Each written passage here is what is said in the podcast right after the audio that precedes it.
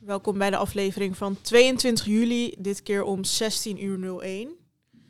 Ehm, we gaan het dit keer hebben over, ik begin met een tweet van eh, jouw favoriete politicus Thierry Baudet.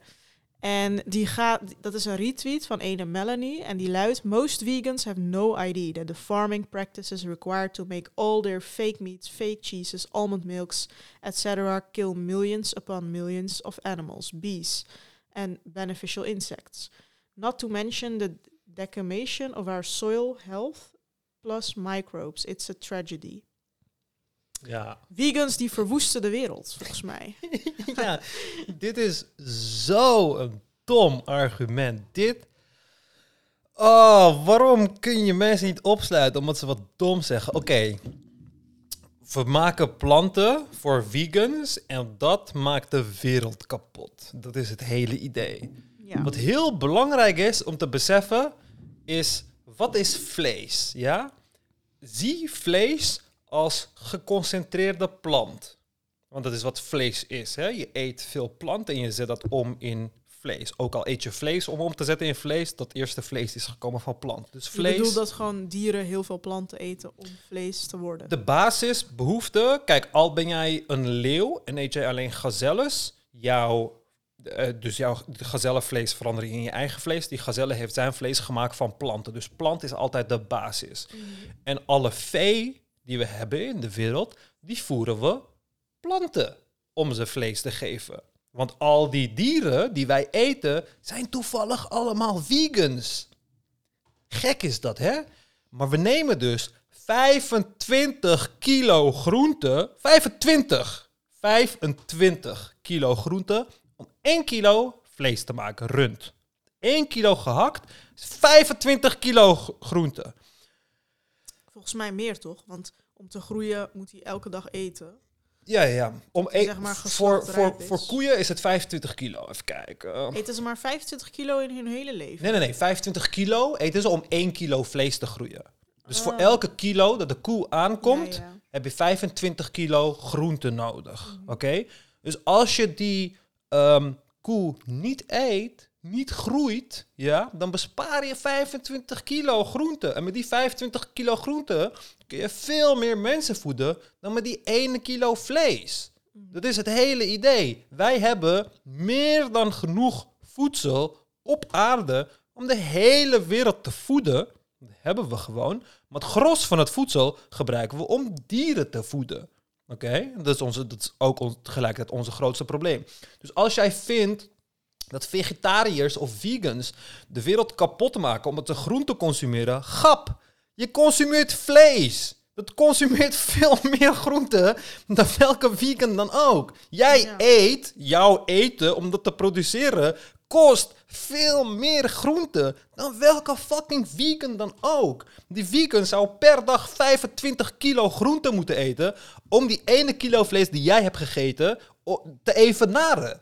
Dus hoe de fuck ben je politicus zogenaamd slim? Want je gebruikt dure woorden en zo af en toe. Fucking slim, zogenaamd. Je weet meer dan de experts op aarde. Maar je begrijpt niet dat dit argument jezelf in de voet schiet. Dit is letterlijk het argument dat wordt gebruikt om vleesconsumptie te verminderen. Want dit is juist al die groenten die wij... Besef je wel hoeveel miljoenen hectares aan grond wij hebben... die we gebruiken om mais en graan en soja en weet ik veel wat te groeien... die puur voor fucking koeien en schapen en varkens en kippen bedoeld is. Like, hoe, hoe de fuck is dat een... Hoe de fuck is dat een logisch argument? Deze mensen zijn zo fucking blind geworden... Ja, dat volgens gewoon- mij komt het uit het idee van eh, bijvoorbeeld dat avocado's super slecht zijn voor het milieu. En dat Koeien zijn vele malen. Er is, er is geen enkel groente of. Kijk, tuurlijk, als je een avocado laat overvliegen uit Californië naar Nederland, tuurlijk is de CO2-footprint groter dan een avocado die uit Spanje komt. Natuurlijk, maar die CO2-footprint of de schade voor de, natuur is vele malen groter bij vlees. Oké, je kunt een soort van groen vlees maken door koeien te hebben die dan in Nederland zijn en die alleen dingen worden gevoerd die mensen niet kunnen eten, die we ook niet groeien, maar gewoon dat uit het wild komt. Dus dat wil zeggen, laten we zeggen, je hebt één koe en die laat je opgroeien in het Amsterdamse bos en die eet daar gewoon gras en vijf, zes jaar later slacht je hem. helemaal niks mis mee. Maar dat is niet hoe onze industrie in elkaar zit. Weet je, wij, wij eh, groeien gigantische hoeveelheden mais of whatever. Veranderen we dat in veevoer. En dan transporteren we dat naar andere landen. En dan voeren we dat aan de dieren. In plaats van het aan mensen te voeren, maken we veevoer ervan. Maken voedsel dat genoeg is voor 20 personen. Veranderen we naar voedsel dat genoeg is voor één rijke fucking. Weet je, dat is de, de wereld waar we in fucking leven. Maar dat wordt op de een of andere manier gewoon niet gezien. En het argument dat wordt gebruikt om vleesconsumptie te verminderen, draaien ze nu om om. Dit argument is net zo dom van, oh ja, maar jij eet het voedsel van de dieren, dus jij bent ook slecht. Het is al een dom argument. Het is echt iets wat je hoort in de fucking tweede klas van Japi, die iets doms heeft gehoord van zijn rechtse vader. Weet je, het is echt... Hoe kan Baudet het herhalen en hoe nemen mensen, verder dat het duizend, minimaal duizend keer gelijk is, hoe de fuck hoe de... Hoe? Hoe? Kan iemand mij vertellen hoe? het is zo raar. Het is gewoon zo raar. Oh my god. Oh. Als je zegt van ik eh, eet geen vlees vanwege dat ik het zielig vind, dan zeggen ze planten hebben toch ook gevoel. ja, want het is net zo'n dom argument. En ook al zou Maar het hebben waar zijn... planten gevoel? Nee, maar ook al zou het waar zijn, ook al zou- zouden planten wel gevoel hebben, dan is het nog steeds beter om vegan te zijn. Want je hebt die koe 25 kilo planten gegroeid voor die 1 kilo gehakt. Ja. Weet je, dus je hebt veel meer pijn gedaan. Je kunt dit argument niet winnen. En je, je, je hebt per- verloren, per definitie verloren. En door het zo te twisten als een fucking klein kind, is gewoon... Ik schaam me gewoon, man. Ik schaam me voor fucking Nederland. Weet je, tuurlijk komen er mensen van het en zeggen van Amsterdam is leuk Nederland, het land van de wereld. We zijn allemaal ontwikkeld en we spreken allemaal, weet ik veel, 800 talen. Maar we hebben gewoon dit soort idioten tussen ons lopen. Die hebben we gewoon. En die worden gewoon dikke duiten betaald door allemaal mensen die hun rechtse ideologie willen doorpushen. Weet je? Maar het zijn gewoon fucking idioten. Oh. Oh. Oké. Nou, we gaan jou niet zo langer eh teisteren met Thierry Baudet en zijn tweets. Ehm, ik las in het parool ene Defne, die cum laude was geslaagd, 18 jaar. Eh, enige negen op haar eh, rapport was voor Engels en die vond ze heel erg jammer. Maar die Defne is dus blind. Ja. En eh, ja, vandaar dat iedereen het natuurlijk ook heel erg knap vond. En dat ze overal nieuws was. Ja, ik vind dat echt speciaal. Ik vind blinde mensen echt speciaal. Ik vind het ook heel interessant. Er is een heel vet gedachte-experiment. Waar ik de laatste jaren echt heel veel aan het, heel veel aan het denken heeft gezet. En het heet Molineux Problem. Molineux Problem. Dat is van een of andere Franse filosoof die Molineux heet. En hij kwam met het idee van... Stel je voor, je hebt een persoon die blind is geboren. Dus die heeft nog nooit zicht gehad. En je zet deze persoon in een kamer en dan geef je deze persoon een bal, een kubus en een piramide. Kunnen ze vasthouden, die kunnen ze voelen, kunnen ze, hoe lang ze willen mogen ze het analyseren met hun handen. Vervolgens doe je iets, een of andere, weet ik veel, magische truc, waarbij die persoon weer kan zien. Voor het eerste keer in zijn leven kan die persoon weer, weer zien. Zet je de persoon in dezelfde kamer, dan zet je de bal, de kubus en de piramide voor zijn neus. Je mag niet voelen, hij mag alleen ernaar kijken. Zou die persoon met alleen zicht, zonder te voelen, kunnen herkennen welke van die objecten de objecten zijn die hij in zijn hand heeft gehad. Dus zou hij de vierkant, de, de kubus kunnen herkennen, of de piramide of de bal kunnen herkennen. Dus dit was een hele grote filosofische vraag. En de meeste mensen zeggen ja. In de geschiedenis van de filosofie de meeste filosofen ja gezegd. Ja, dat zou moeten kunnen. En het is een moeilijke vraag. Het, je kan er heel lang over peinzen. Maar eh, vijf of tien jaar geleden of zo heeft een meneer van eh, MIT of Stanford volgens mij heeft het probleem opgelost door naar Pakistan of India, een van die twee, gaan. En daar heb je eh, kinderen die worden geboren met een aangeboren oogafwijking, waardoor je iris vertroebeld is. Dan word je gewoon blind geboren, je kunt niks zien. Het is heel makkelijk op te lossen met de operatie in de moderne wereld, maar in ontwikkelingslanden niet. Dus deze, hij nam deze personen, één voor één, en hij doet het experiment met ze. Hij geeft ze de drie objecten, hij laat ze voelen. Ze gaan een operatie fixen. Na de operatie kunnen ze weer perfect zien. En dan komen ze terug en dan moeten ze naar de objecten kijken en ze herkennen. En wat blijkt, ze zijn gewoon niet in staat om het te herkennen. Het is onmogelijk voor ze om het te herkennen. En dat is heel raar, maar wanneer je er een beetje over nadenkt... Kijk, wij hebben allemaal geleerd om te lopen, bijvoorbeeld. We hebben geleerd om te praten, we hebben geleerd om te schrijven. Maar we hebben ook ooit geleerd om te zien. En dat herinneren we gewoon niet, omdat we een fucking baby waren. Dus we wisten dat als ik mijn hand hier doe, dat, die, dat het ophoudt hier. En dat deze rand zo voelt. En dat deze kromming zo voelt. En dat deze hoek zo voelt. Maar van tevoren weet je dat niet. Dus je moet de connectie tussen gevoel en zicht, die connecties moet jouw hersenen nog leren maken. En dat hadden die personen niet. Het duurde ze vier, vijf maanden, die kinderen, voordat ze met grote accuratie konden zeggen van oké, dat is de bal, dat is de driehoek en dat is de piramide. En heel veel van die dingen, dus bijvoorbeeld ook als iemand ver staat en iemand staat vlakbij, dan zien ze die andere persoon die ver staat niet als ver, maar gewoon als kleiner. Want dat is ook wat je ziet. Je ziet hem niet ver, je ziet hem gewoon kleiner. Weet je, dat zijn dingen die wij ook in kunst hebben gebruikt. Bijvoorbeeld middeleeuwse kunst, waar de perspectieven heel verkeerd. Dan had je een grote kasteel en dan was de soldaat ernaast net zo groot als het kasteel. Dus je kan een groot poppetje tekenen en een klein poppetje. En dan heb je gewoon een groot poppetje en een klein poppetje. Maar je zet een paar perspectieflijnen, hè, wat je bij culturele klassieke vorming leert. En opeens weet jouw hersenen van, oh, die is ver en die is vlakbij. Terwijl het is niet ver en vlakbij, eentje is gewoon kleiner.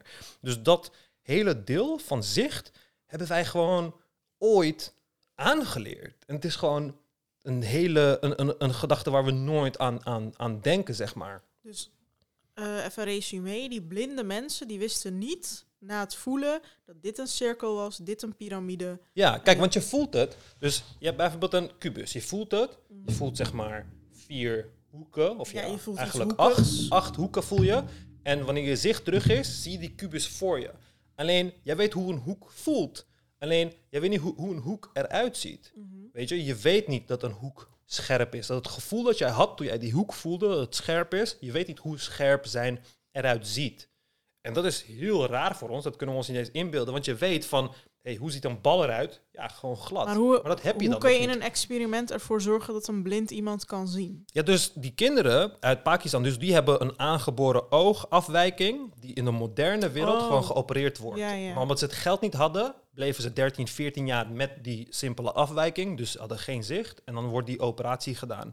En dat, dat zijn dingen waar wij dan niet aan denken, weet je. Dat dingen zijn die wij ooit hebben aangeleerd. Want dat is met mhm. alles zo. Er is bijvoorbeeld een heel interessant verhaal over de kleur blauw is uitgevonden. Want blauw bestond vroeger niet. Vroeger uh, zagen we blauw en groen als dezelfde kleur. In Japans en Koreaans, uh, in Koreaans is blauw en groen dezelfde naam, ook hetzelfde woord, zeg maar. Dus dat, dat, komt, dat, dat, dat brengt heel veel dingen met zich mee. Maar ik heb het altijd heel interessant gevonden. Je hebt op YouTube een oudere man die blind is, blind geboren. Tony heet hij, of Tommy volgens mij. En hij kwam altijd met dat soort dingen, weet je. Ging die vragen beantwoorden van mensen. Bijvoorbeeld, toen wij zijn overgestapt op ledlampen, van de normale gloeilamp. Vroeger kon hij voelen aan een licht of hij aanstond of niet. Als het warm was, stond het aan en dan ging hij, het uitzetten. Maar nu met ledlampen, die worden niet warm. Dus dan kan hij ook niet voelen of het, of het aan is of niet. Of dat mensen bij hem thuis komen en dan is het gewoon pikdonker in huis, want hij heeft geen licht nodig, want hij ziet niks. Maar dat bezoek dan, weet je, niet durft te vragen van, joh, mag het licht aan? dat ze pas over 15 minuten zeggen van, oh ja, ik zie niks door het licht. En dat hij dan het licht aanzet. En allemaal dat soort dingen. Dus het is een hele aparte manier van leven.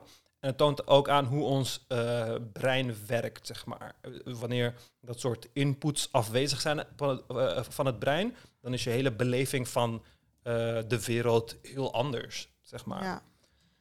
En ze zeggen ook dat je andere zintuigen dan veel sterker worden. Ja, ja, dus dat heb je met blinde mensen ook. Kijk, wij, wanneer wij naar iemand kijken, hebben wij al een vooroordeel van jij ziet er zo uit. Dus het is mijn vooroordeel. Dat is gewoon standaard bij elke persoon. En zij hebben dat bijvoorbeeld met stem. Weet je, als jij gewoon een fucked up stem hebt, dan denk je van, oh ja, ik mag jou niet. Want mensen die deze stem hadden, hebben mij vroeger dit aangedaan. Dus ik vertrouw deze stem niet. Mm. Of zo. Net zoals van, oh, lijkt op Marokkaan. En vroeger werd ik gepest door Marokkanen, dus dit en dat. Weet je, dan heb je opeens discriminatie of vooroordelen op basis van, van, van stem. Zeg maar. Ja.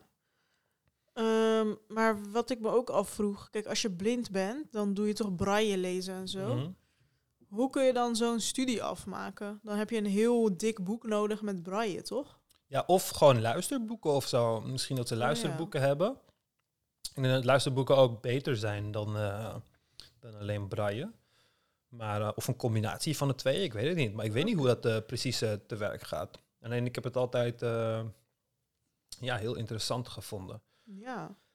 dus bijvoorbeeld ook, toen ik klein was, was het een grote gedachte ding, experiment op het internet van de rood die jij ziet, en de rood die ik zie, is dat dezelfde rood. Mhm. weet je. En dat was vroeger een, een, een, een, een gedachte-experiment. En nu weten we dat het niet dezelfde rood is. Want je kunt het niet bewijzen, hè. Want jij, stel je voor, jij ziet rood als hoe ik blauw zie. Maar toen jij naar, de scho- naar school ging, zag jij dat gewoon als hoe ik blauw zie. Maar jou werd geleerd van, dit is rood. Weet je? En, Ja. en vuur is rood en dat soort dingen. En wij zien het misschien allemaal als, als een andere kleur, maar we noemen het allemaal rood. Want kleuren bestaan niet. Het is gewoon een golflengte en jouw hersenen interpreteren dat. Want er is geen rood hier bij deze cola. Er is een bepaalde golflengte van een bepaalde nanometer. Die komt in mijn oog. En mijn oog verandert dat in een, een, een ja, qualia noem je dat. Die verandert elektrisch signaal in een ervaring. En ik ervaar dit als rood. Maar dat is compleet uniek voor mijn lichaam. Jij ziet een hele andere kleur, maar we noemen het allebei rood. Want onze hersenen hebben die kleur letterlijk gewoon verzonnen. het is echt weird. het is echt een mindfuck, ik Ja, weet dat het. snap ik niet echt, maar goed. ja, het is echt een ik vind mindfuck. kleurenblindheid heel interessant. Ja, je kunt het eh, genezen. Mano is kleurenblind. Echt? Ja, ik kwam op het boekenbal tegen. Hij zegt, welke kleur blouse heb je aan? Geel of zo? Ik zeg, ja, doei. What the fuck? Je had neongroen aan. Ja, het, het was gewoon ja. neongroen. Toen zeiden ja, ik ben kleurenblind. Ja. ja, je kan het dus... Dus je hebt apensoorten, waarbij de mannetjes kleurenblind zijn en de fruitjes niet. Dus de mannetjes missen groene cones in het, in het oog. En er is destijds een therapie ontwikkeld waarbij dus de genetische code voor die groene eh, cones, die stop je in een virus, injecteer je het virus in de oog en dan ben je niet meer kleurenblind. Dus we zouden het kunnen oplossen. Maar ja, heb je wel zo'n periocular injection nodig, dus een injectie in je oog is niet echt chill. Maar je kan ook, bijvoorbeeld sommige vrouwen hebben een genetische mutatie waarbij ze ook ultraviolet violet cones hebben, waardoor ze veel meer kleuren kunnen zien dan de normale mensen. En wij kunnen dat ons ook niet voorstellen, dus probeer aan een kleur te denken die je niet kan zien. kan niet. Weet je, het is gewoon onmogelijk om je voor te stellen, want je hersenen kunnen dat gewoon niet processen. Ja, je hebt toch ook die ene jurk waar iedereen een andere kleur ziet? Ja, die groen en uh, of die uh, snap blauw ik nog steeds niet. Ik zie zo. al jaren dezelfde kleur, namelijk Ja. blauw Ja, met het- goud. Het is, nee, het is blauw met zwart.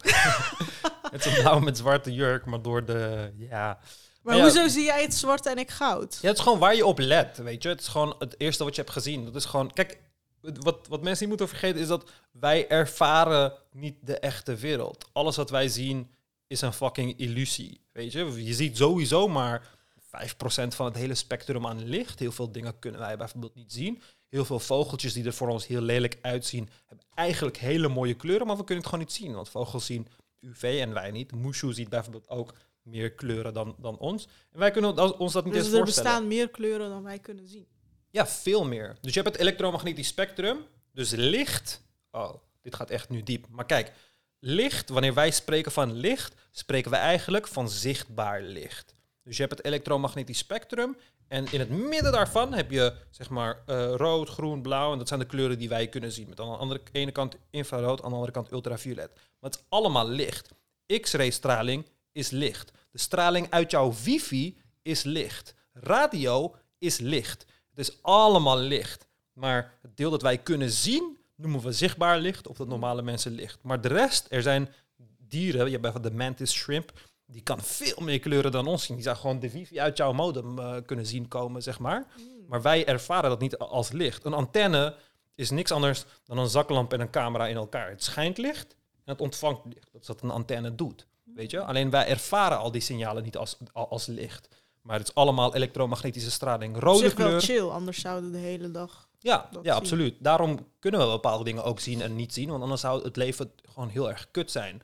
Maar ehm, ja, het is, het is ook van... Ja, het is... Kijk, wij zien de wereld heel kleurrijk, maar het is eigenlijk heel gelimiteerd. Omdat wij niet weten wat we allemaal missen. Maar als jij nu opeens zou kunnen zien als een hond, die bijvoorbeeld ook kleurenblind heeft, dan zou de wereld er heel grauw uitzien. Maar als een vogel zou kunnen zien als ons, zou onze perceptie van de realiteit er ook heel grauw uitzien. Wij zien de wereld gewoon heel erg grauw, want een heel deel van het kleurenspectrum kunnen we gewoon niet zien.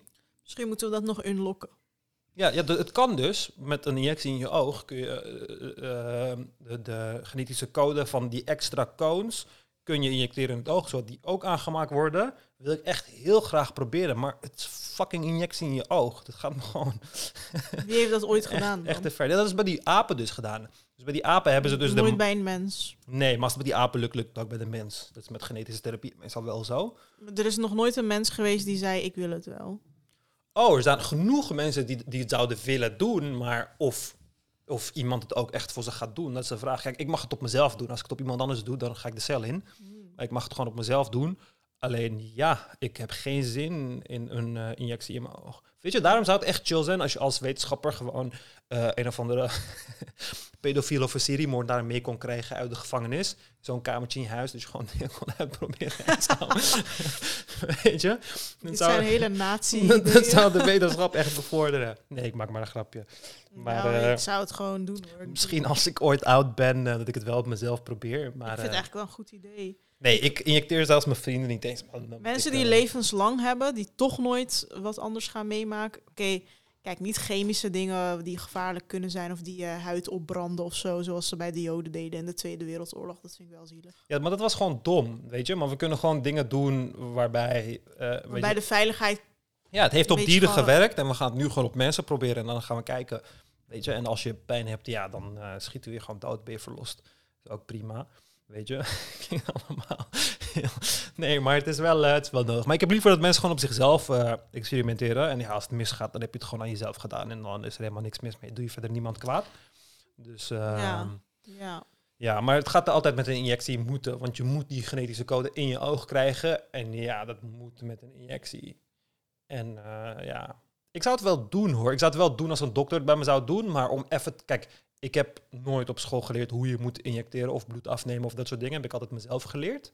Dat was geen onderdeel van mijn opleiding. Ehm, maar ja, dat soort dingen kan je proberen. Intramusculaire injectie kun je gewoon uitproberen. Bloed opnemen uit de aderen kun je uitproberen. Maar ja, injectie in je ogen uitproberen, dat is, wel wat, dat is wel wat moeilijker. Ik denk niet dat je veel kansen krijgt. Nee. Maar eh, ja, ik zou het wel doen. Het zit wel in, in mijn projectmapje, zeg maar, om dat ooit eh, te gaan doen. Ik neem mijn woorden van net trouwens weer terug. Wat? Wat zei je dan? Ook criminelen hebben lichamelijke integriteit. ik denk Ja. niet dat je zomaar iemands eh, oog mag eh, injecteren.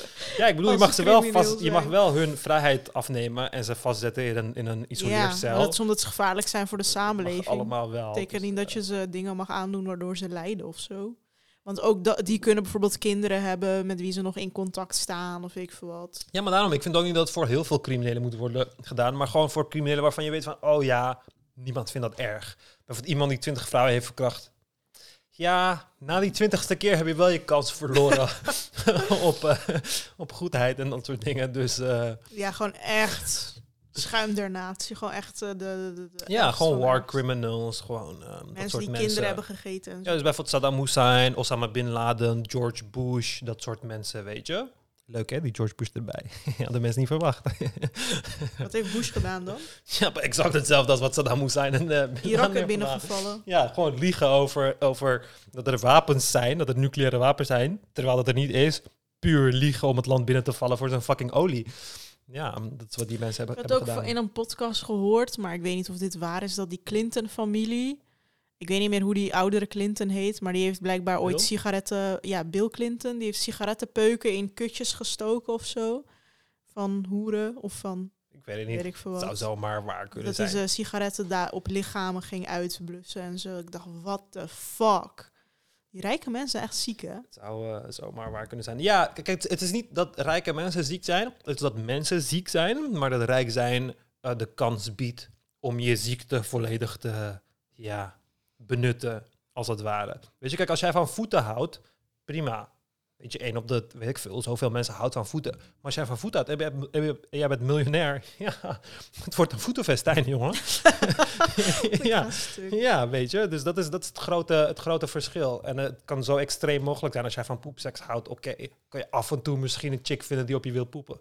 Als je fucking rijk bent, ja, dan bel je gewoon modellen over van. Instagram die met z'n allen op je poepen of zo. Ik vind seksualiteit een heel, eh, heel eh, verwarrend onderwerp. Hoe ouder ik word en hoe meer verhalen ik hoor van... oh, er zijn ook mensen die dit doen, er zijn ook mensen die dat doen en zo. Dat ik denk van, er zijn zoveel gekke dingen met seksualiteit. Ja, Arabieren en zo ook. De vorige sheikh van eh, Saudi-Arabië, ik weet niet meer hoe die heet, maar voor die Mohammed bin Salman, hij, eh, er waren allemaal gegevens over hem uitgelekt. En hij had gewoon een dokter, want hij is 90 of zo geworden. En hij had gewoon een dokter die hem tot zijn negentigste gewoon injecteerde met hele hoge dosages testosteron. Zodat hij nog wel een stijve kon blijven hebben en kon neuken. En hij zat elke dag aan de Viagra. Hij slikte elke dag Viagra. Dus hij balde zoveel tot zijn negentigste, tot hij doodging. Maar is het wel lekker om te ballen met eh, zoveel eh, Viagra en zo? Ja, Viagra doet niks op, eh, op gevoelgebied. Je lul wordt er gewoon harder van.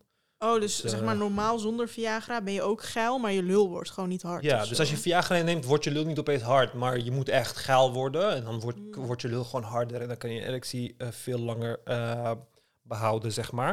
Oh. Maar ja, hij had gewoon een heel medisch team ervoor zorgde dat zijn libido en zijn, Ja. zijn dik hardness op zijn top was met de farmaceutische middelen. Welke sheikh was dit? Voor Mohammed bin Salman. Ik zet wel het rapport hier zo.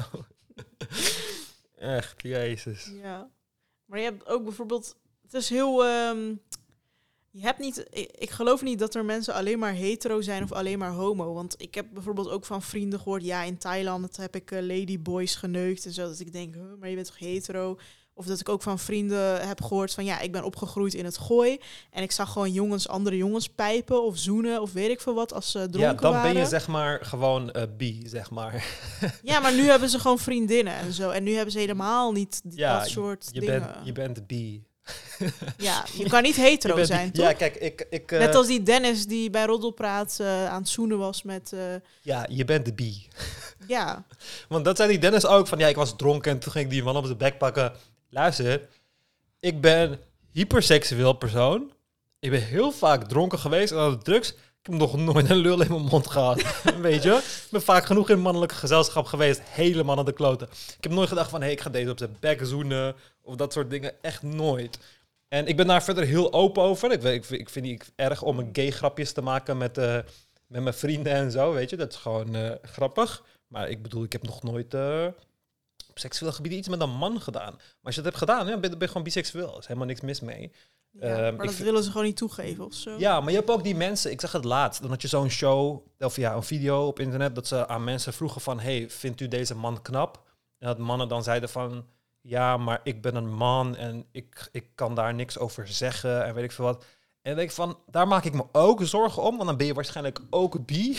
maar, maar dan probeer het waarschijnlijk, want ik bedoel, ik val niet op mannen, maar ik kan wel het verschil zien tussen een knappe man en een lelijke man. Ja. Weet je, als je dat niet kan, want het kan je, dat zie je gewoon. Je Ja. ziet of niemand kan zeggen dat, weet ik veel, een, eh, Dat eh, Leonardo DiCaprio... ja, dat hij, niet, dat hij niet, niet knap is of zo. Niemand zou het kunnen zeggen. Dat is gewoon duidelijk voor iedereen of je nou homo bent of hetero bent.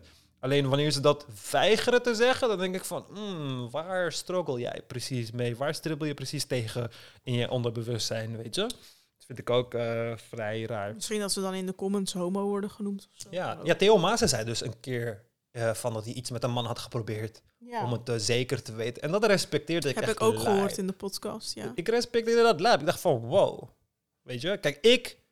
ik we- ja, eigenlijk zou ik het ook moeten proberen om het echt zeker te weten. Maar, maar- je weet het toch al. Ja, ik weet het gewoon 100%. Maar ik denk dus als je bi bent, dat, je, dat er toch wel een beetje ehm, ja, nieuwsgierigheid is. En dat je denkt van, mm, laat me het uitproberen en zo. Maar ik, ik heb dat nooit. Maar je hebt ook mensen die geilen op dieren, blijkbaar. Dat is Ja. ook niet. Ja, Op paarden en zo. Je hebt daar porno-sites voor. oh, als kind, oh, dat soort filmpjes hebben we. Echt? Ik denk dat, ja, ik denk dat elke, ja, dat klinkt voor jou misschien heel raar of misschien voor de oudere kijkers, maar ik denk dat elke eh, tiener toen hij op zoek ging naar internet best wel lijpe shit heeft gezien. Ik bedoel, de tijden dat LimeWire of Casa en zo in was, had je echt de meest absurde, verboden seksfilmpjes Maar heb je naar Die er dierseks gekeken? waren. Ja, dat kwam ik wel eens tegen natuurlijk. Weet je, je ging er niet naar op zoek. Maar kijk, je moet je voorstellen, ik weet niet, kijk, jij weet dat waarschijnlijk allemaal niet, maar je moet je voorstellen als je begin jaren 2000 op het internet zat, Ja, ja. dan dat zag je als, geloven. als 12-jarig Maar kind... er zijn mensen die... Kijk, jij kwam het gewoon tegen. Er zijn mensen die het heel graag kijken. Omdat ja, ze erop 100%. geilen. 100%. Maar, maar in die tijd zag je ook gewoon onthoofdingen. En je had vroeger een website, rotten.com, waar je gewoon dode mensen kon zien. Weet je, iemand die met zijn ha- hand in de gehaktmolen is geweest. Of iemand wiens hoofd is overreden door een vrachtwagen, dat soort dingen. En gewoon bij mij op de middelbare school, kinderen groeiden daarmee op, man. Fucking 12, 13 jaar en je zag gewoon dat soort shit. Ja. Het was echt fucking absurd. Two Girls, One Cup heeft iedereen gezien als... Weet jij wat dat is? Ik heb dat zo vaak voorbij zien komen qua naam en zo, maar ik weet nooit wat, waar het op slaat. Ja, het is gewoon een filmpje. Het begint zo met rustige muziek. En dan zie je zo twee mooie meisjes. En dan beginnen ze zo met elkaar te kussen. En dan beginnen ze eh, te poepen in een beker. En dan beginnen ze die poep van elkaar te eten. En dan gaan ze kotsen in elkaars mond. En allemaal dat soort dingen. Dit heeft elke van mijn generatie, ik kan je garanderen. Op 9gag en zo zag ik het heel vaak voorbij komen, maar ik wist Ja, nooit... omdat, omdat die hele jeugd er 100% mee bek- bekend mee is. Ik kan echt garanderen dat iedereen van mijn Bestaat generatie... 9gag trouwens nog? Ja, het bestaat toch. Ja? Het is eh, de grootste uh, meme-pagina nog steeds. Maar ja, dat soort shit zijn we gewoon mee opgegroeid. En eh, ja, ik, weet, ik had een vriend, Ferhat, op de middelbare Maar school. zijn er mensen die daarop geilen, poep eten uit bekers? Ja, natuurlijk, natuurlijk. Heel veel mensen Maar geilen dat, dan daarop. ben je toch raar? Of moeten we dat accepteren? Ja, kijk, als je het doet en twee mensen hebben consent, vind ik het gewoon prima. Weet je, kan je gewoon, ik doe ook heel veel rare dingen. Weet je, ik, Ja. ik klim ook in hoge shit en weet ik veel wat allemaal. Of ja, ik, ik, ik heb daar Ja, maar op het verder. gebied van seksualiteit bedoel ik. Ja, maar daarom, kijk, ik, ik vind. Ja, het is niet als. Misschien ik- ben ik niet open-minded. Ja, maar kijk, ik heb bijvoorbeeld ook niks met anale seks of zo. Ik, ik vind dat ook niet heel erg ding. Maar dan denk ik van ja, als jij je piemel in de kont wil steken, doe dat. Of als jij op elkaar wil poepen, doe dat. Als je op elkaar wil spugen, doe dat. Als je op elkaar wil. Vind pissen, jij ook zo'n strap-on of zo helemaal geil? Wat vrouwen omdoen? Nee, ik om zou dus nooit gepakt willen worden. Ehm, blijf gewoon heel ver weg uit mijn kontje, alsjeblieft. Maar hoezo? Ja. Want heel veel ja, mensen ik weet het niet, hoor. dat heel fijn te vinden. Ja, ik kan me ook wel voorstellen dat het eh, fucking lekker eh, voelt, waarschijnlijk. Maar het is voor mij te, te submissive, zeg maar. Ah, Ja, ik ben heel dominant. Ik, ik ga mezelf niet in mijn kontje laten nemen, ook al is mijn vriendin. ja. Weet je? Dus eh, ja, dat past er gewoon niet bij. Alleen ja, wie weet in de toekomst, ja, zou ik het best kunnen proberen of zo. Ik weet het niet. Alleen nu heb ik daar gewoon geen behoefte aan. Nooit tijdens seks dat ik dacht van, oh, nu moet er iets in mijn kont of zo. ja, je hebt heel veel van die kontspeeltjes die eh, Ja. blijkbaar helemaal geweldig Ik kan me zijn. voorstellen dat, dat het niet. fucking lekker is. Kan ik me echt goed voorstellen. Want je hebt gewoon de L-spot in je kont natuurlijk. Dus eh, als je Ja. de prostaat eh, stimuleert vanuit de kont, dan voelt dat blijkbaar heel lekker als man. Maar ja, gewoon... Maar waar komt het woord geitenneuker vandaan? Dat, dat Midden-Oosterse mensen of Turkse mensen er worden, geitenneukers er worden zouden zijn? geiten en ezels geneukt. Bijvoorbeeld in Colombia is het heel erg populair om ontmaagd te worden door een ezel. Ehm, ja, dat is gewoon part of the culture. En de vrouwen vinden dan ook... Je hebt documentaires erover waar die vrouwen zeggen van... Ja, ik heb liever dat die een ezel neukt dan dat die eh, een andere vrouw neukt. Dus ik laat hem gewoon zijn gang gaan. Weet je, wanneer ze geil zijn, gaan ze gewoon even langs de stal en dan neukt ze een ezel. Maar het is gewoon, ehm, ja, mannen die seks tekort komen en dan geil worden. En ik bedoel, het is niet anders dan, eh, ja, je eigen hand neuken. Het is ook best wel raar, weet je, aftrekken. dus, ehm, ja. Nee, dat vind ik niet raar, want met je hand zorg je voor een bepaald gevoel. Wat Ja, natuurlijk, stimuleert. Tuurlijk, ja. Nou ja, dieren op zich hetzelfde. Ja, het is, maar- gewoon een, het is gewoon een primitieve versie van een nep eh pussy. Van een pocket pussy. Want het is gewoon warm. Hopelijk nat of zo. Ik weet het niet. ja. En dan, ja, ik weet het niet. Ik weet het niet. Ik vind het ook maar raar. Maar eh, ja, het gebeurt. Ja. Het gebeurt overal in de wereld. En eh, in, ik heb gehoord in Duitsland is dierenseks niet verboden of zo. In Denemarken en Zweden volgens mij. en dan heb je zo'n dierentuin waar je dat ook mag. Ja, je zo. hebt hele tour. Dan ga je met de tourbus vol met andere mensen die in- into bestiality zijn. En dan ga je gewoon naar een of andere boerderij. En dan ga je met z'n allen een schaap of een paard of weet ik veel wat neuken. Ja, stel je voor dat zijn gewoon mensen die getrouwd zijn en kinderen Zijn het vaak ook? Ja. Ja, zijn het vaak ook. Ik bedoel, dat, dat soort shit hoor je gewoon... Ik bedoel, homo's die nog steeds in de kast zitten... zijn ook gewoon getrouwde mensen met Ja. kinderen. Of transgenders of weet ik veel wat. Dus eh, ja, en dat gebeurt. Ik bedoel, eh, genoeg mensen die thuiskomen... en ze vinden hun man eh, die een opblaasbare geit neukt... of, of vrouwenkleren aan heeft... of zichzelf heeft opgehangen en aan het masturberen is of zo. Dus je hebt heel veel gekke... Je hebt zelfs sounding. Dat klinkt, kijk, peggen snap ik nog iets in je reet of zo. Ik begrijp dat het lekker kan zijn. Homo's vinden het ook hartstikke lekker. Maar je hebt sounding en dan stop je iets in je penis.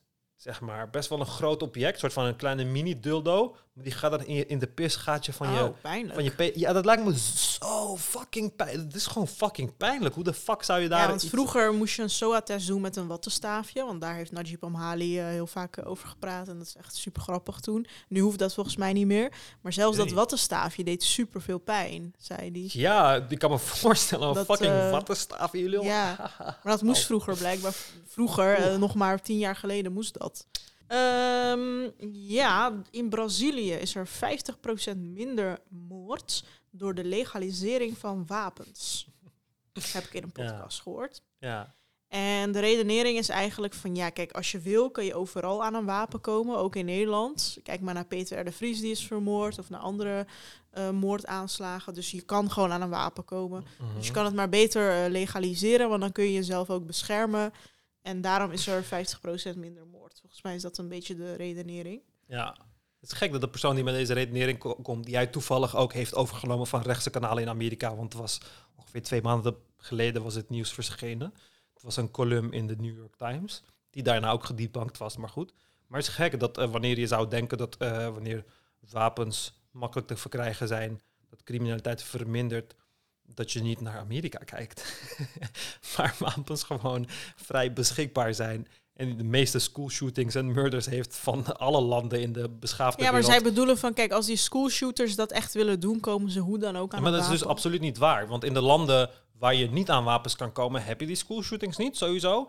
En in landen als Nederland heb je dus heel vaak dat mensen een aanslag niet tot zijn uiterste kunnen uitvoeren, omdat ze niet toegang hebben tot bepaalde wapens. Mhm. Weet je, ten tijde met die ehm, aanslag bij Gay Pride bijvoorbeeld, hadden die jongens ook heel veel moeite om aan wapens te komen. En uiteindelijk is de enige manier hoe ze aan wapens konden komen door een undercover agent van de AIVD. Weet je, zo konden ze aan AK's komen. Het is echt niet makkelijk om er... Kijk, je kunt niet zeggen van... Het is voor mij vrij moeilijk om aan een wapen te komen. Ik heb heel veel connecties, maar het is voor mij vrij moeilijk om aan een eh, wapen te komen. Ik moet in het criminele circuit zitten en ik moet daar mensen kennen. En dan, de wapens moeten ook niet fucking oud zijn, want zijn de meeste wapens die je koopt in Nederland zijn gewoon super oud en die doen het niet en die blokkeren. Dus dan moet je dat gaan vinden. Je kunt dat niet vergelijken met, ik ben net 18 geworden, ik loop, niet eens ik loop een winkel in, ik bestel online. Ik bestel online een fucking AR-15, welke je onmogelijk kunt vinden in Nederland. Je gaat geen AR-15 vinden in Kun je het Nederland. gewoon bestellen. In Amerika kun je het gewoon bestellen. Het wordt gewoon die jongen die die school, die die basisschool overhoop had geschoten, hij had gewoon van internet een fucking wapen besteld op zijn 18e verjaardag. Dus je kunt niet claimen dat dat op de een of andere manier dat het hetzelfde is van oh nu kan je het ook krijgen, dus weet ik veel wat. Het wordt vermoeilijkt en het, in Nederland heb je niet eens genoeg wapens om Maar hoe Eh, verklaar je die 50% minder moord? omdat, kijk, hoe het in landen werkt. eh, ehm, het is niet van, oh, we hebben nu wapens legaal gemaakt. En over drie maanden is 50% minder moord. Dat is niet wat er aan de hand is.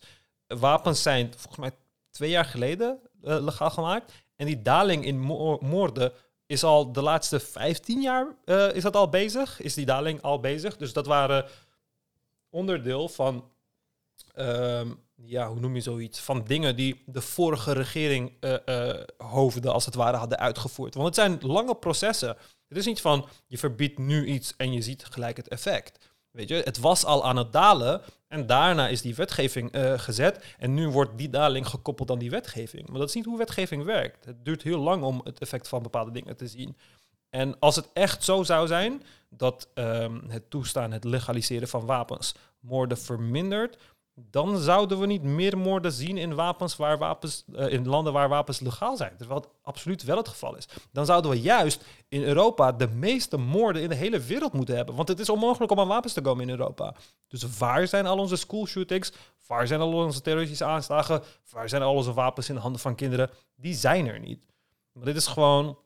Het was ook TPO-podcast en ik weet niet wie dit is, maar ik herken zijn stem de hele tijd. En hij herkoudt de hele tijd die fucking rechtse domme Nee, argumenten het was uit Amerika. Geen Stijl podcast. Oh, geen staalpodcast. Zijn stem, hij heeft meerdere dingen. Meer, jij, jij stuurt wel eens vaker fragments naar mij daaruit. Maar hij heeft meerdere dat soort dingen gezegd. En hij, kijk, dat beseffen heel veel mensen ook niet. Wat heel veel van de linkse en de rechtse mensen in Nederland doen, is gewoon wat zes maanden geleden in Amerika is besproken en gezegd. En de argumenten die zijn geleverd en de bullshit die is verspreid, komt gewoon hier naartoe. Ongeveer vier, vijf, zes maanden duurt het. Komt het hier naartoe, wordt hier herhaald. Al onze antifax-misinformatie komt van Amerika. Al onze klimaatverandering-misinformatie komt van Amerika. Al onze wapenwetten-misinformatie Amerika komt van het, Amerika. eh, is de bron van alle kwaad. Het is hun grootste exportproduct, is fucking misinformatie. Dat is hun grootste. eh, eh, en kijk, ik heb ook een antwoord op heel veel dingen. Want ik, ik, ik volg Amerikaanse media. Ik volg Nederlandse media bijna niet. En ik volg Amerikaanse debaters en mensen aan de rechtse kant en linkse kant en weet wat. Dus ik hoor die argumenten. En dan is het dom, wordt het ontkracht. En dan hoor je het vijf maanden later in fucking Nederland. En dan gaat iemand het op een podcast presenteren als een eigen argument of zo. Dan denk ik van, ja, maar het is toch wel ontkracht. Dus waarom doe je... En redeneer dan verder. Waarom redeneer je niet verder? Als het echt zo is, waarom neem je alleen Brazilië als voorbeeld... als het zo overduidelijk is? Dan zou je toch die, die, die, die correlatie kunnen maken in elk fucking land. En het kan niet. Dat kunnen ze niet. Dus het blijft daarbij, weet je? Ja. Dus, Ik eh, had, ja. eh, ken je Ummer zegt weer onaardige dingen, dus ik knip even wat stukjes eruit. pagina van iemand die best wel ja, conservatief is en zo. En af en toe schrijft hij dingen die ik niet eens begrijp. Maar ik vind het wel interessant. ja. ja, hij heeft echt een vriendin nodig, man. Waarom? Hij heeft echt een vriendin nodig. Omdat het, omdat het echt zo'n boze incel is, gewoon. Weet je, want hij ging ook heel vaak eh tekeer op vrouwen. Want vrouwen zijn dit en dat. En OnlyFans maakt de wereld kapot. En eh, Nee, Eh, voor, bij mij komt hij over als iemand die gewoon heel erg het kapitalisme haat. Of modernisering. Hij is gewoon heel erg conservatief. ja, maar dat, dat hoort er toch allemaal bij ook. Dus ja, Ja. ja. ik weet het niet. Ik weet niet wat, wat... Ik weet niet wat je dan wilt. Want ik weet dat je wilt dat we teruggaan naar de tijden dat... de Nee, hij heeft het over... Ja, maar kijk, hij, hij doet ook alsof... kijk, in deze mensen hun wereld is het gewoon van... we moeten terug naar de goede oude tijd... waar je vrouw niet haar bek open trekte... en dat je er gewoon kon slaan en er een liedje over kon schrijven... en het was gewoon prima, weet je? Vrouwen nog geen stemrecht hadden en dat soort dingen. Dat is toen vrouwen nog gewoon huismoeders waren... en op de kinderen, voor de kinderen gingen zorgen. En nu is het van... oh nee, de wereld is aan de kloten... want vrouwen hebben hun eigen rechten... en ze kunnen voor hun eigen eh, eh, carrière kiezen... en ze kunnen hun eigen geld verdienen, weet je? En... Oh nee, we leven nu in een wereld waarbij al, mens, meer mensen toegang hebben tot modernisatie, tot technologie, tot dat soort dingen. Het is allemaal slecht. Terug naar die tijd. Terug naar de tijd van. Kun je terug naar die tijd? Nee, In sommige landen kun je volgens mij best terug naar die tijd. Sommige landen lopen waarschijnlijk, 50 maar- jaar achter. Maar daarom, ze zijn nooit in deze tijd geweest. Dat je Zoals Albanië of... ehm, Ja, maar daar is het al. Het, daar is het al terug in de tijd. Want ze zijn Ja. nooit verder geweest. Ik bedoel, in al die landen ben je nog steeds je dochter aan het verkopen en weggeven. En weet je had zo'n land waar ook Turken wonen. Begint met de Oe. Oe. Oezbekistan? Ja, Ja. die is, die is echt 100 jaar in de tijd. Ja. Oezbekistan, Kazachstan. Kazachstan doen ze nog steeds aan vrouwen. In Kazachstan kan je gewoon je vrouw, je toekomstige bruid gewoon ontvoeren. Je ziet er gewoon op straat een mooi meisje en dan kun je er ontvoeren. Neem het mee. Heeft ze geen keuze, moet ze gewoon trouwen. Dat is gewoon de traditie. Weet je, dat is, Jezus. dat is de, de toekomst waar deze mensen naartoe willen. En het zijn altijd, waarom zijn het altijd korte jongens die zo zijn? waarom? Ja, hij is ook weer zo'n korte jongen. Maar het zijn elke keer die rechtse types die dan vrouwen haten en conservatief zijn. En oh nee, het heden is zo kut. We moeten terug naar vroeger. Waarbij mijn moeder gewoon een, v- jong, een, vrou- een meisje voor me kon uitkiezen die ook mooi was. In plaats van dat ik nu mensen uit het dorp moet importeren met een snor. Weet je? Dus het zijn gewoon dat soort mensen elke keer. Maar het zijn deze mensen die... Ik begrijp niet. Ik begrijp niet waar de fuck die vrouwen haat van. En waarom haat ik vrouwen niet? Ik heb fucking een irritant, fucking kwaadaardige moeder en fucking ex die domste shit heeft gedaan. Waarom gebeurt niet bij mij? Waarom haat ik vrouwen niet uit dat, dat soort dingen? Je kan toch gewoon voor jezelf inzien dat hele concept van vrouw en man en conservatieve, dat het gewoon fucking allemaal bullshit is. Leef gewoon je leven. Je gaat niet, we gaan niet terug naar het verleden. Gaat nooit gebeuren. Vrouwen gaan hun bek niet dicht houden en huisvrouw worden. Gaat niet gebeuren. Dus of je gaat gewoon Dat soort mensen moeten gewoon verhuizen naar Oezbekistan. ja, doe dat. Ga gewoon, ga gewoon naar een dorp in Turkije. Trouw gewoon met een of andere choban of zo.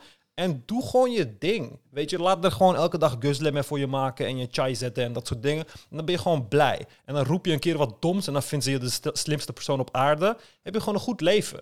Weet je? Maar ga dan af van fucking Instagram en dat soort dingen. Want je gaat alleen maar geconfronteerd worden met het feit dat je gewoon een idioot bent. En de rest van de wereld gewoon veel beter heeft dan jij, weet je? Ja. Altijd van die korte conservatieve jongens. Altijd. Echt. Als ik, als ik jullie lang kon maken en jullie daarna niet meer conservatief zou zijn, zou ik echt mijn hele leven eraan eh, toewijden. Ik denk dat er inderdaad een technologie moet bestaan waardoor je langer wordt. Ja, maar kijk, ze zien, het is een soort van, je bent kort en dan word je afgewezen door meisjes.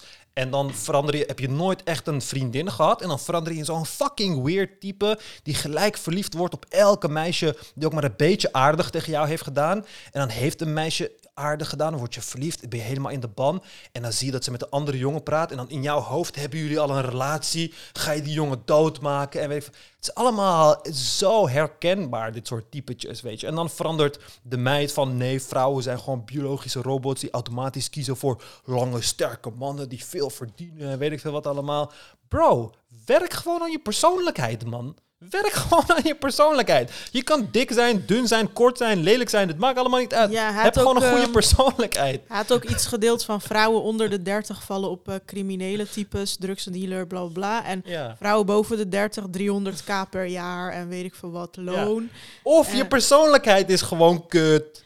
Of je persoonlijkheid Ik voel me elke keer best wel beledigd als vrouw door zijn post. Ja, maar dan denk ik van, er zijn letterlijk er zijn mensen met één been en de zwaarste acne in de wereld en met een kale kop, die gewoon een, een, een, een, een, een, een, een eh, relatie vinden. Die gewoon een maatje voor het leven vinden. Je kunt het. Maar als jij zo'n fucking, als je gaat doen alsof je de slimste, knapste, sterkste man van de wereld bent, terwijl je dat niet bent, dan ja, iedereen ziet toch door je onzekerheid heen. Iedereen kan letterlijk zien dat al deze shit uit onzekerheid komt. iedereen kan dat zien. Als je gewoon zo'n korte, boze, conservatieve man bent, ja, het is duidelijk waar het vandaan komt. Werk aan je fucking persoonlijkheid. Ga de wereld in. Zie mensen als mensen. Zie vrouwen als, als mensen. En dan komt het wel goed. Die Dennis en Jan, dat zijn echt niet de knapste van de wereld. En eh, die krijgen zoveel DM's van vrouwen. Daar hebben ze het elke keer over. Ze worden gewoon helemaal volgeladen. Precies. En nog tot een paar jaar geleden waren ze ook uitschot, weet je wel. Ja. Dus Dus- Mijn beste vriend Adam, hij is twee koppen kleiner dan mij. Hij is kaal. Deze man pakt meer chicks dan fucking Brad Pitt. Oké? Want het gaat gewoon om... hij heeft toch al een vriendin? Ja, ja, sowieso, maar vroeger. Maar, eh, maar kijk, het gaat. Je kan best vrouwen zien als robots. Van oh ja, en als je kort bent, wil ze niet met je. Of als je weinig geld hebt, wil je.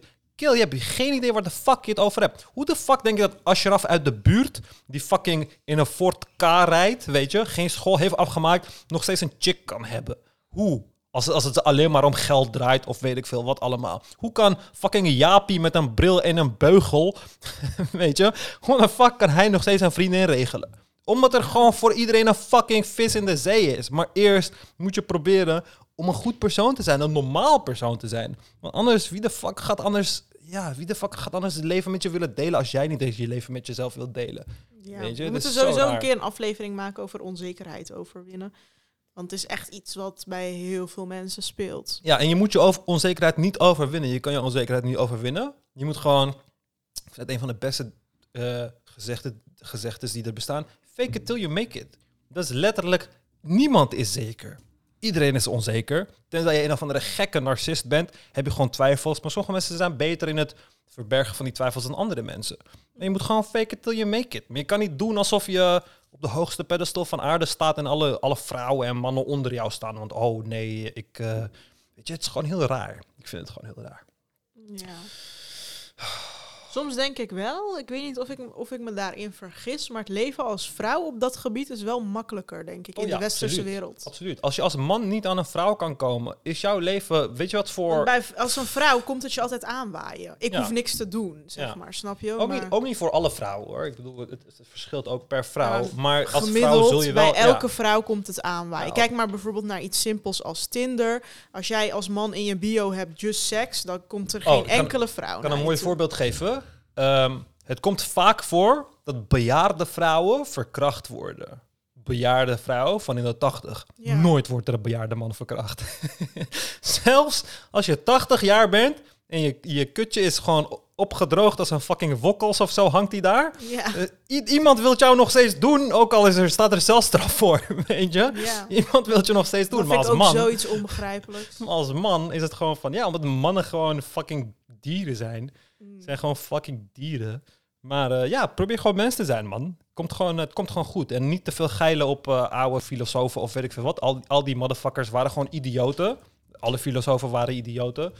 Eh, sorry als ik daar iemand boos mee maak, maar geen van de filosofen had ooit het idee om te denken dat, dat, eh, dat, dat, mannen, dat mannen niet superieur zijn op vrouwen. Het was altijd, elke filosoof, allemaal zulke goede ideeën over het leven. en weet ik Nietzsche veel zei, wat. de tweede vergissing van God was de vrouw. Ja, maar ze waren allemaal vrouwenhaters en andere rassenhaters. Dus als van, oh, de witte man, wij zijn superieur en dit en dat. Maar sorry, als je daar niet eens bij kon komen, als je niet eens vrouwen als gelijke kon zien of mensen van ander ra- ras als gelijk kon zien, dan ben je gewoon een fucking idioot. En daarom neem ik geen enkel filosoof serieus. Ja. En al die depressieve jongetjes die nooit een relatie gaan hebben, benoemenswaardige relatie gaan hebben, die ja, pijpen al die, al die filosofen ook zonder in te zien dat ze precies dezelfde eh, lot achteraan gaan.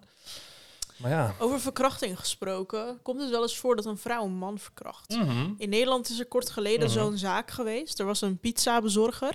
En er was like een dronken, dronken groep meiden thuis. En die dachten van, weet je wat, we hoeven geen pizza, maar we gaan expres pizza bestellen. En als die pizzabezorger komt, gaan we gewoon allemaal met onze string en lingerie gaan we gewoon een soort van hem naar binnen trekken en erop duiken of zo, weet ik Ja. veel wat.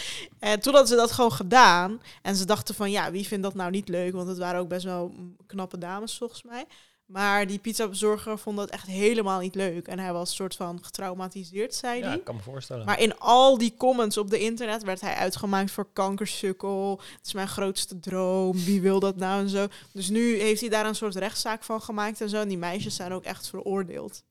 Ja, ja, ik vind dat ze even sterk, even, even hard eh, gestraft moeten worden als andersom. Maar ja, dat is het eigenlijk wat domme aan mannen, hè? Want dan is ook van, eh, heb je nieuwsbericht van, oh ja, 12-jarige student heeft seks met 36-jarige juffrouw of zo. Dan denkt iedereen van, oh my man, you go man, you go get him, weet je? En het is echt zo van, als hij echt zo'n stoere guy is geweest, dan denk je van, ja, als dat andersom is, moet die guy wel opgehangen worden aan zijn penis. Ja, er was een hele discussie over consent. Ehm Ja, gewoon niet doen. tijd zoveel terug. Gewoon niet doen. En sommige mannen zeggen van ja, eh, zit alsjeblieft aan me. Eh, Vraag mij niet om consent, Ja, je mag alles dat- bij me doen. Ik heb dat dus echt absoluut niet. Ik Nee. weet nog, toen ik... ik heb het toen bij vrienden gevraagd en heel veel vrienden van me zeiden nee. Als ik in een club sta te dansen en een vrouw gaat zomaar aan mijn billen zitten en zo, dan vind ik dat zo awkward. Exact dat. Exact. Ik heb op mijn 21ste heb ik een chick geschreeuwd. Hoe heet ze? Victoria heet ze. Geschreeuwd. Heb ik er echt helemaal geschreeuwd, omdat we ergens aan het chillen waren. Oh. En ik, ik, ik merkte dat ze me... Ja, ze probeerde gewoon mijn aandacht te krijgen een keer. Maar ik was met een andere meisje aan het praten. En ik merkte gewoon, zij probeert de hele tijd mijn aandacht te krijgen. En uiteindelijk knijpt ze in mijn bil. En terwijl ik gewoon aan het zitten ben, en ik zit zo en ze knijpt gewoon in mijn bil. En ik denk van, hé, wat de fuck heb jij nou weer gedaan? En ik heb er gewoon helemaal geschreeuwd en gezegd van, wat de fuck ben jij mee bezig? Weet je, wat de fuck ben je mee bezig? Ga je zomaar aan mijn fucking bil zitten?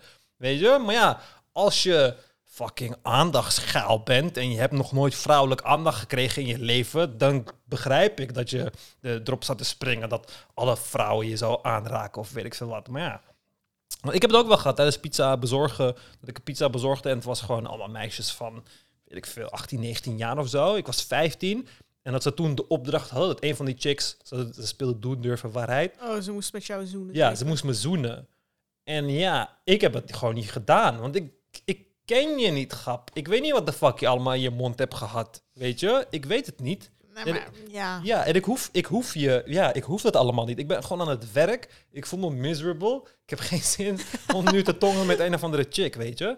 Maar ja, eenmaal aangekomen bij eh, de pizza, bij Domino's Pizza, zei ik gewoon van... Hé jongens, wat er net is gebeurd. En die chick zei, ze moest me zoenen. En ik heb er gewoon gezoend. weet je wat? Maar dat, dat Oh. moet ik wel vertellen. Want als ik aan mannen zeg van... Yo, ze wilden me zoenen. En ik zei nee. Dan is het van... Ah, homo. Homo. weet je? Dan krijg je dat. Dus eh, Ja. het is gewoon, het is Op gewoon zich heel zoenen lastig. zou ik niet eens erg vinden. Ik hoe erg kan het Nee, zijn? ik weet het, maar ik ken je niet. Ik weet niet wat. Ik weet niet of je je tanden hebt gepoetst. Ik weet het allemaal niet. Weet je, dus het hoeft voor mij ook allemaal niet. Nee. Weet je, als je wilt zoenen, prima, maar kunnen we ook eerst praten? Eer, eerst, we kunnen een klein stukje zeg tenminste alleen je naam of zo. weet je? Ja. Dat is niet zo awkward. Maar ja, voor de rest. eh, Maar ja, nu willen ze dus die sprookjesverhalen, tenminste de woke community zoals dat heet, willen de Ja. sprookjesverhalen veranderen. Want daar wordt ook bijvoorbeeld zo'n doornroosje gezoend zonder dat ze daar consent voor geeft en zo. En zij beweren dat dat in je onderbewustzijn al, al bij kinderen wordt geï- geïmplanteerd dat zeg maar dat ze gewoon dingen mogen doen bij vrouwen zo, en dat ze dat altijd leuk vinden of zo. ja, Ik vind het wel een beetje ver gezocht, maar goed. ja. En ze willen het veranderen. En toen zei jij dus dat die verhalen altijd al veranderd zijn. Ja, ja al, alle, alle sprookjes die wij onze kinderen vertellen, Disney heeft ze verkinderlijkt, zeg maar. Maar de sprookjes van de Grimm Brothers, door een rood... Bijvoorbeeld Roodkapje, het, het originele verhaal van Roodkapje eet de wolf. Kijk, het verhaal dat ze aan mij vertelden, is die wolf eet die schoonmoeder op en dan komt roodkapje en weet je wat. Maar dan snijden ze die wolf open en dan komt die oma er weer uit of zo. Dan redden ze die oma. Is dat ook de versie die jij kreeg? Nee. Welke versie kreeg jij? Ik weet het einde niet meer, maar volgens mij wordt ze gewoon opgegeten door die wolf, toch? Ja, ja, zoiets, ik weet het niet. Maar ja, eh, in, in de originele eh, eet hij die grootmoeder. Nee, in de originele kookt hij die grootmoeder, of hij braadt er of zo. En dan voert hij die grootmoeder aan Roodkapje. Dus Roodkapje eet die grootmoeder en daarna wordt Roodkapje opgegeten. Hetzelfde met Doornroosje. Doornroosje wordt eh, letterlijk door een oudere koning, die getrouwd is en kinderen heeft, verkracht. in het originele verhaal. En eh, Hans en Grietje hetzelfde. Het gewoon vol met bloed en moord en verkrachting. Eh Assepoester, hetzelfde. Assepoester is eh, die met die glazen schoen die niet past, toch? In het originele verhaal Ja. proberen die twee zusjes eerst de schoen, maar het past niet. Want om het toch te passen, snijden ze hun tenen eraf. en de andere snijdt er hiel eraf. Dus het waren allemaal kinderverhalen in het origineel. Toen we Mm. vroeger nog niet eh, beseften wat we kinderen fucking allemaal aandoen. En Disney heeft ze vervolgens gewoon ehm verkinderlijkt, als het ware. Geschikt voor kinderen gemaakt. En ja, nu gebeurt dat opnieuw. En ehm, ik zie daar... Vind jij ook dat die verhalen veranderd moeten worden? ja, ik zie daar op zich geen problemen mee. Want het is sowieso raar dat... Maar dan is het toch niet meer echt romantisch? Ja, maar je kunt het nog steeds romantisch maken, toch? Weet je, als, als, als bijvoorbeeld, kijk, Sneeuwwitje... eh, weet je, zij valt in een slaap door de appel... en dan komt er een random prins en die kust haar wakker. Ze kent die prins niet eens. Maar als ze, laten we zeggen, een paar maanden terug kennis had gemaakt met die prins... en ze vond hem leuk en toen was hij weer weg... en ze kon niet wachten tot hij terugkwam... en dan wordt ze wakker gekust. Stuk romantischer verhaal. Weet Ja. je? Het is, het is niet zo moeilijk om het, om het te, te veranderen. Maar die verandering zit er altijd in. Ik bedoel, Zwarte Piet is ook niet meer een boze zwarte man die kinderen eh, in, in, zijn, in zijn zak stopt en meeneemt naar Spanje of zo. Het is gewoon een lieve man geworden. Dus met de tijd veranderen Zwarte we. Piet bestaat niet meer, hè? Ja, ik weet het. Maar dat probeer ik te zeggen. In het begin was het gewoon een klootzak die gebruikt werd om kinderen bang te maken. Want oh, pas op, Zwarte Piet neemt je mee naar Spanje en zo. Ja. Weet je? Dus Weet jij net, eh, trouwens de geschiedenis van Zwarte Piet? Er is daar ook altijd strijd over van nee, eh, zijn het nou wel, eh, is het nou wel racistisch of niet? ja, het is 100% racistisch. ja. Dus het waren echt slaven en weet ik veel ja, het waren, het waren gewoon is- afgebeeld als moren en zo. Ja, er is ook een versie die zegt van nee, het is de schoorsteen of zo. Weet je. ja, maar ik vind dat... Ja, het schoorsteen. Ja. Ja, soms ook. Soms ga ik door een schoorsteen en dan word ik opeens zwart gesminkt met rode lippen en gouden oorbellen en kroeshaar. Weet je? Het gebeurt echt vaak. Oké, duidelijk. Soms loop ik een koffieshop binnen en dan heb ik opeens rasta haar in een eh, Jamaica pet. Dus jij vindt Zwarte Piet ook 100% eh Het is 100% racistisch? sorry. Maar dit zegt... Ik had hier echt een essay over geschreven toen ik 18 was of zo. Ging ik alle oude, de eerste eh, kinderboeken over Zwarte Piet. En dan is Zwarte Piet ook iemand die boos kijkt de hele tijd. En die is helemaal niet blij dat hij mee moet met Sinterklaas. Die moet gebruiken om kinderen bang te maken en dat soort dingen. En langzaamaan eh, maakt men het acceptabel, sociaal acceptabeler. Ja, dat gebeurt nu ook. Alleen vroeger had je niet een paar miljoen mensen die erop konden reageren.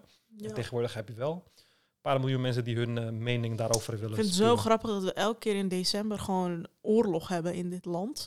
Ja. Omdat er heel veel mensen zijn die zeggen: nee, ik laat mijn zwarte Piet niet afpakken. En die gaan dan de snelweg ja, ik zou gewoon je stemrecht afpakken als je dat soort dingen zegt. Ja. Ik zou echt geen goede staatshoofd zijn. er zouden echt drie mensen overblijven die stemrecht hebben. Jij bent echt net als die Nil- Nilufer Gundogan. Eh, zij is van Volt. En zij twittert altijd best wel radicaal. Dus over die boeren zegt ze dan... Ja, nee, niks dit. eh, gewoon met de lange lat eroverheen en weet ik veel wat. 100%. Ja, Dus gewoon van, denk- oh, 10% van de boeren moet weg. En ze klagen, oké, nu is het 20%. ja, precies. Zulke Ja. dingen zegt zij ook. En zij wordt zo erg gehaat. Ja, maar beter. Want wie de fuck denk je dat je eerlijk... Ja, maar dat soort mensen worden dus altijd gehaat. Omdat ze eh, te ongenuanceerd zijn. Omdat ze de waarheid spreken. Dat de fucking waarheid spreken. Want je moet tegen ze liegen. Je moet tegen ze zeggen van... Jongens, kies voor mij. En alle boeren mogen blijven. En dan krijg je alle stemmen. En dan laat je het niet alle boeren blijven. en dan zijn mensen twee jaar later vergeten. Dat is de normale manier. Mundus fut decipi ergo decipiatur. Dat is precies de VVD-manier. Ze Ja. zeggen altijd dingen die ze nooit uitvoeren. ja. Maar goed. Ehm, even kijken. Gokreclames, die zijn nu verboden. Ja, goed zo. en Hans Klok is daar boos over op Eus. Want Eus had een column geschreven dat goed is dat verboden is. Fuck Hans Klok. En toen zei hij, ja, Eus is gewoon jaloers dat hij geen geld, dat hij geen tonnetje krijgt. Voor Ik denk dat Hans Klok juist een beetje zuur is dat hij geen geld meer krijgt, gezien dat een van zijn laatste inkomstenbronnen waren. Ja. Heb jij ooit naar Hans Klok gekeken? Nee, echt nog nooit. Nee, hij ik mag ook gewoon allemaal ballen zuigen. Maar eh, ja, sorry hoor dat ik dat zeg, maar ik mag hem gewoon niet. Ehm, maar gokreclames. Kijk, er zit fucking veel geld in de gokwereld. Ik heb op Malta gewerkt, dat is een gokeiland. Ehm, het is absurd hoeveel geld daarin omgaat, hoeveel corruptie daarin omgaat en hoeveel het is ongereguleerd ook voornamelijk. En toen het legaal werd gemaakt, ehm, je moet je voorstellen dat bedrijven ook al vijf jaar voordat het legaal werd gemaakt, miljoenen investeerden om het klaar te zetten. Zodra het legaal eh, wordt gemaakt, het in Nederland te lanceren. Online gokken en zo, want het was verboden daarvoor. Maar deze organisaties verdienen echt bakken met geld. En ze kunnen. Dus in Amerika heb je dit ook. In Amerika is gambling, crypto gambling nu heel groot. Dus je hebt een bedrijf die Stake heet. eh, S-T-A-K-E. En als je naar Drake zijn Instagram gaat bijvoorbeeld, zul je zien dat zeven van zijn laatste tien posts over Stake gaan. Want hij wordt gesponsord door Stake. Dus dan gaat hij filmpjes delen hoe hij 14 miljoen wint en dat soort dingen. Maar het is allemaal nep. Ze krijgen gewoon speciale accounts waarbij ze met, het, met gratis geld kunnen spelen totdat ze een keer groot winnen. En dan delen ze dat. En al jouw volgelingen, die denken dan van... oh, wow, ik kan ook zoveel geld verdienen. En die verliezen dan al hun geld, als het ware. Maar je probeert gewoon mensen met een probleem... want gokken is enorm verslavend... eh, probeer je gewoon eh, mensen te helpen aan het probleem. En het is niet heel anders dan een reclame over... eh, hey, de nieuwe Marlboro Lights. Nu twee keer zoveel kanker, weet je. Het is gewoon geen goede reclame. Het is gewoon niet goed om mensen daaraan te helpen. Ehm, dus ja, ik vind inderdaad dat het verboden moet worden. Want de hoeveelheid geld die deze bedrijven, BN'ers, gaan betalen om promo te doen... het is een onuitputbare geldbron. Dus als je daar geen stokje voor steekt... dan gaat het alleen maar door voor de rest van, eh, van je leven, zeg maar. Ja.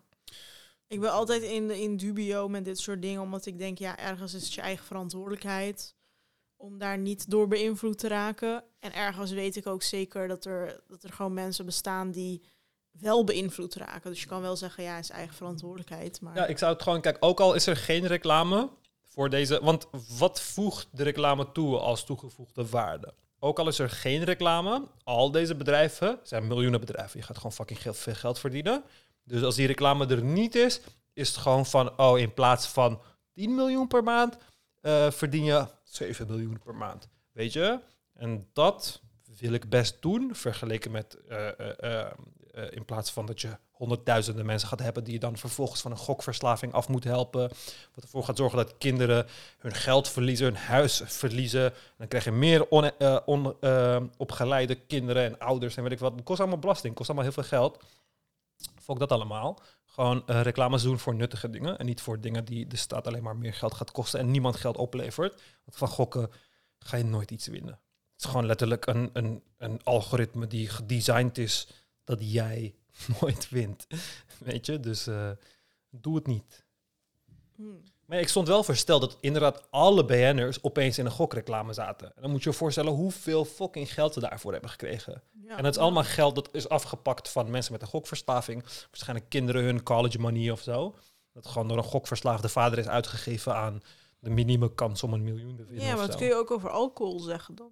Ja, alleen alcohol is veel moeilijker. Kijk, het, het kutte van, van, ehm, van eh, gokken is, laten we zeggen, je gaat met 1000 euro begin je. En als je dat hebt verloren, ga je gelijk weer opnieuw. Dan denk je Ja. van, oh, ik ga dat weer terugverdienen en weet ik veel wat. En als je dat in biertjes wil, dan moet je wel heel lang bezig eh, ja, zijn, ik bedoel, na, na 15 biertjes, dan ben je gewoon flauw gevallen en dan kun je niet verder. Weet je, Ja. je, je, kunt, je kunt je kinderen hun spaargeld ook niet eh, verpatsen aan, aan fucking alcohol of zo. Maar met Ja. dit soort dingen kun je het wel. Ik bedoel, ik heb heel vaak meegemaakt in de industrie dat mensen op een dag 4 ton hebben verloren. In één dag. Gewoon fucking 4 ton. En oké, misschien is de man miljardair en is 4 ton helemaal niks. Maar 4 ton is heel veel geld. En ik gun het gewoon niet. eh, ik gun het zo'n industrie niet. Want het is niet zo'n industrie die zoveel geld zou moeten verdienen aan dat soort dingen. Want het is gewoon evil. Het is gewoon harteloos. Het is eh, zonder enige vorm van moraal of eh, ethiek. Dus ehm, ja, het mag gewoon legaal zijn. Maar weet je, hou het een beetje, ehm, ja, hoe heet dat? In, in controle, zodat het niet eh, uit de pan loopt. Dankjewel voor je bijdrage van vandaag. Twee uur lang heb je gepraat zonder ook maar, e- zonder ook maar iets gegeten te hebben. Ja. Dus eh, ja, ik sluit het hierbij af. Deze aflevering werd mede mogelijk gemaakt door vooral onze abonnees. Die abonneren voor 5 euro in de maand. Dat is helemaal niks. En eh, ook de andere donateurs. Dus wil je ook donateur worden en ons steunen, zodat we misschien meer kunnen doen, eh, meer kunnen produceren, ga dan naar ikgaleven.backme.org. Dankjewel. Tot de volgende keer. Volgende keer.